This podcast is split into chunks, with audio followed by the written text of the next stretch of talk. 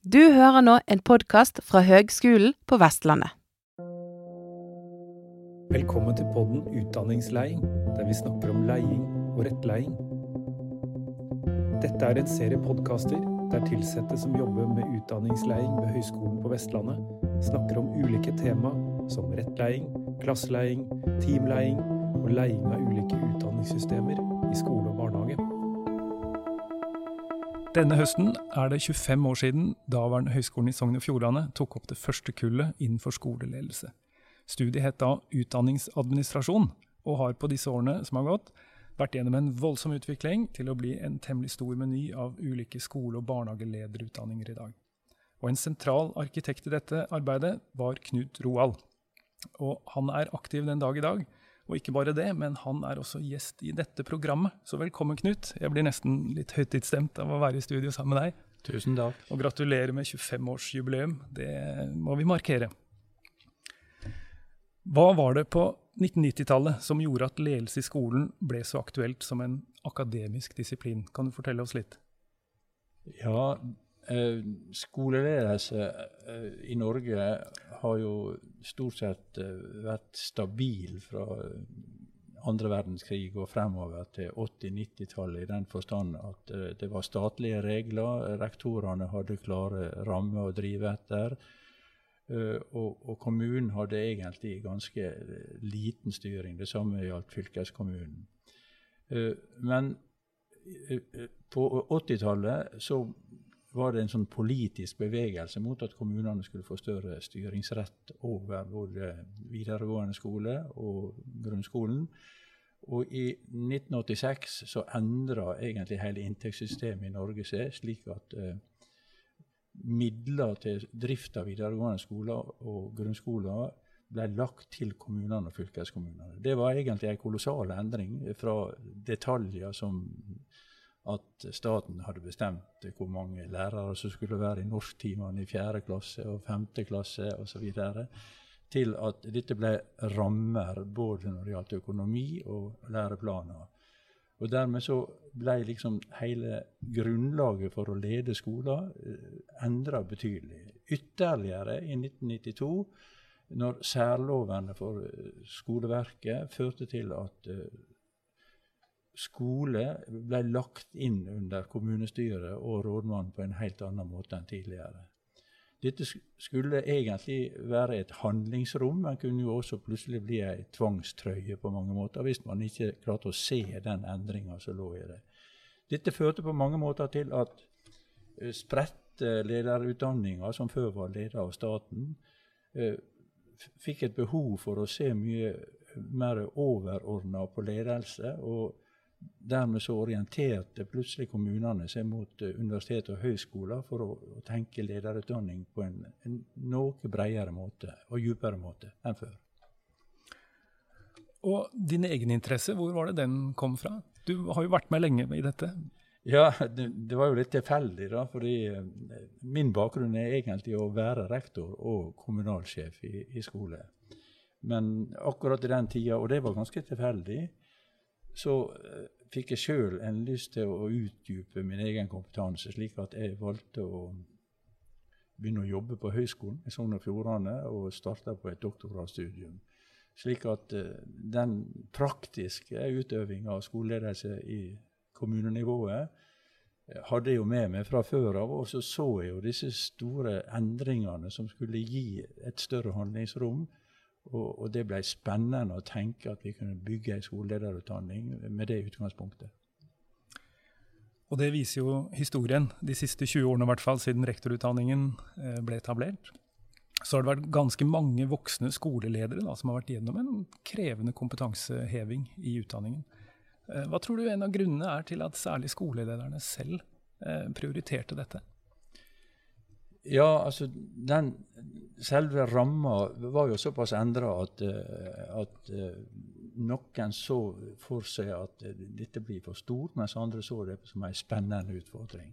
Det interessante rundt Høgskolen i Sogn og Fjordane var dialogen med kommunene, der kommunene sjøl på en måte ønska at vi skulle bygge opp ei, ei lederkvalifisering som greip denne måten å tenke forvaltning og, og pedagogikk på samtidig.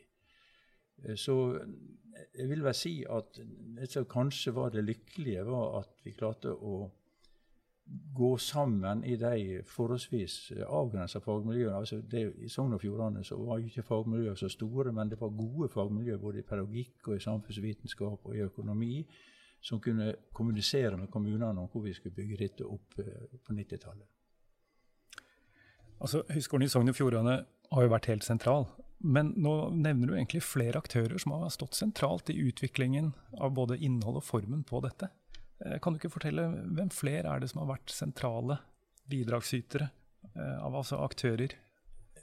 Ja, jeg vil nok si at um, kommunalsjefene i det området rundt høyskolen eh, var ganske aktive på å ikke bare kjøpe et tilbud, men også ha en dialog med høyskolen på hvilke ferdigheter skoleledelse under de nye betingelsene både læreplaner og økonomi og juss. Slik at eh, jeg vil nok si at eh, vi skal gi mye honnør til eh, kommunale ledere eh, på Vestlandet som, som eh, virkelig tok en dialog med høyskolen. Og så er det klart at de personene som styrte disse studiene på Høgskolen i Sogn og Fjordane, også var i stand til å lytte. Så det, det var en veldig fruktbar dialog som bygde opp dette. Og så studentene selv. Altså, vi har snakket om tidligere også at vi har jo hatt store deler av Skoleleder-Norge inn i klasserommene våre. Og hatt egentlig en gavepakke, altså å få ledersektoren inn i klasserommene. Eh, hvordan har studentene vært med å legge innhold og premisser for utdanningen? Ja, Der kan vi kanskje snakke om en sånn stor eh, bevegelse egentlig i hele ideen om undervisning i akademia. Også fordi eh, fra en tradisjonell idé om å formidle fra kateteret og til studenter, særlig når vi har voksne studenter som er ute i jobb, så har flere studier beveget seg i retning av at når man studerer et fag, så utfører man samtidig et utviklingsarbeid, et prosjekt på jobb knytta til den akademiske tilnærminga som man gjør samtidig. Eh, og dette har vært en forholdsvis lykkelig kombinasjon, eh, vil jeg si. Ja, for ofte møter vi nettopp spørsmål om hva er det høyskolen eller et universitet kan tilby av kompetanse for å drive skolelederutvikling. Uh, og Det er jo et relevant spørsmål nå, og det var det sikkert den gangen også.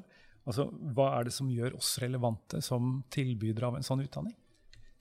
Ja, den endringa jeg snakker om, den fører jo til at uh, oversikt og analyseferdigheter får kanskje en enda større sentral plass. Og Samtidig så skjer jo ikke dette bare i Norge, det skjer jo egentlig globalt. At, at skoler blir forska på, og det fremstår en masse interessante forskningsresultat, litteratur. Uh, slik at plutselig blir det, uh, til liks med veldig mange andre fag, en stor akademisk base som finnes om selve den yrkesutøvinga.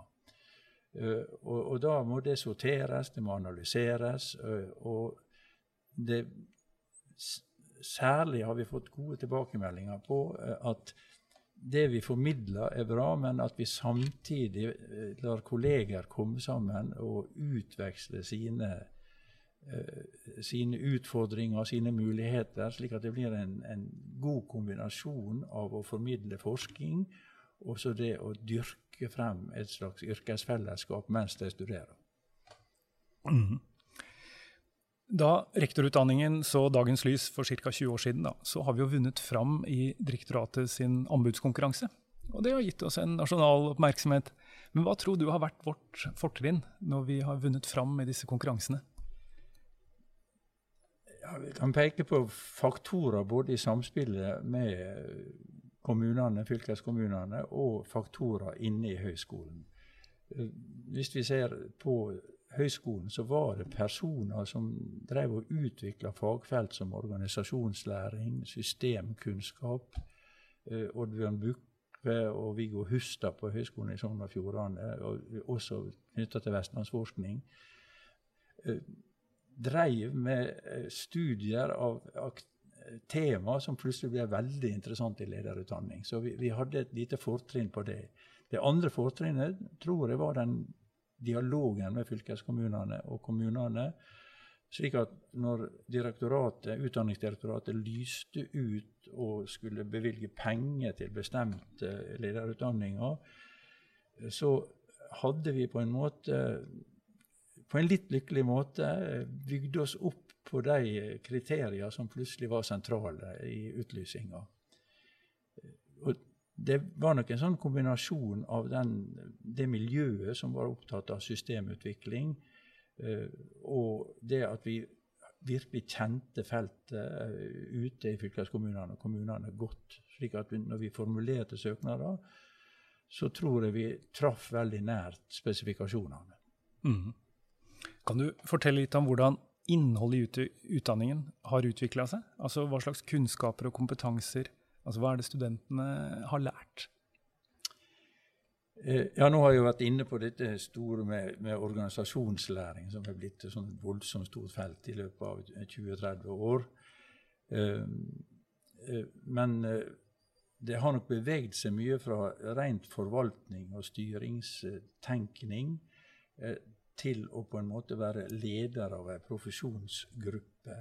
Og dette har jo både i forhold til lederforskning, men også i forhold til pedagogisk forskning, så har man mer og mer eh, klart å, å, finne ut at samspillet mellom skolelederne og resten av personalet, som jo består av veldig høyt utdanna og individualistisk orienterte personer, når det smelter sammen på en, en, gunstig måte, så gir det reelt utslag på elevresultat. Og den forskninga eksploderte egentlig internasjonalt rundt 2000-årsskiftet. Mm. Nei, Det er spennende å se også hvordan dette går i ulike sykluser. altså Fra å være mye kunnskap om kommunene kanskje, til å handle mye om egenutvikling. Eh, hva tror du vil ligge foran oss? Hva er viktig? Eh, ja, det er jo eh, Altså, skolen er jo veldig nært knytta til samfunnsutviklinga uansett. Så det er klart at på disse 25 åra så har jo eleven en helt annen verden å, å fungere i enn elever for 25 år siden. Alt med sosiale medier, kunstig intelligens, det er det ene. Det andre er den voldsomme miljøutfordringa vi har.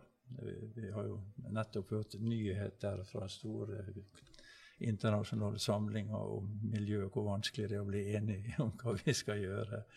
Og Dette preger jo også på en måte hele situasjonen eh, rundt skole.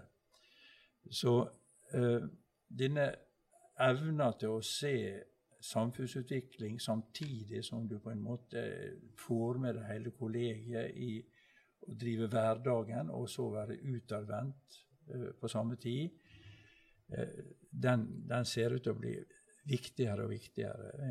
Jeg vil nok tørre å påstå at når jeg begynte som ung lærer, og det er ganske lenge siden, så uh, fikk vi stulle med vårt på en måte, ganske upåvirka av, av omgivelsene. Mm. I dag så ser vi en tendens mange steder til at det er færre som søker rektorstillinger. Og det kan det være mange sammensatte grunner til. Men tror du vi har for høye forventninger til at rektorene skal løse alt? Vi ser altså etterspørsel etter juridisk kompetanse. Du nevnte selv kunstig intelligens. Det ligger mange temaer innenfor både drift og økonomi og personal. Men blir rektor en superleder som skal, skal håndtere alt? Ja, på en måte så er jo svaret ja, da. Eh, men det er jo et umulig svar, for da får vi jo ikke rektorer. Men det er klart at spranget fra å være fagperson eh, i en videregående skole eller i en grunnskole og til å inngå i ledelsen, den har nok blitt større på disse 25 åra. Eh, og dermed så er det nok flere som tenker seg om før de søker en sånn jobb. Men samtidig så vil jeg tro at de færre søkerne som melder seg, de ser disse sammensatte utfordringene som, som noe spennende og som, som, en mulighet. Uh, og da er det et vesentlig poeng at uh, lederjobben i skoleverket da, den legger opp til at folk blir utslitt hvis ikke du på en måte har en slags oversikt og analytisk distanse til det du skal jobbe med. Slik at eh, jeg er ikke så veldig bekymra over at eh, vi ikke har veldig mange søkere hvis vi bare har engasjerte søkere.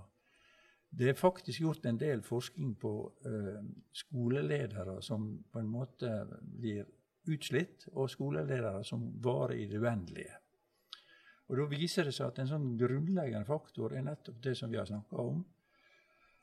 At uh, hvis man på en måte har fått et slags analytisk forhold til jobben sin og evner å sortere de ulike utfordringene, så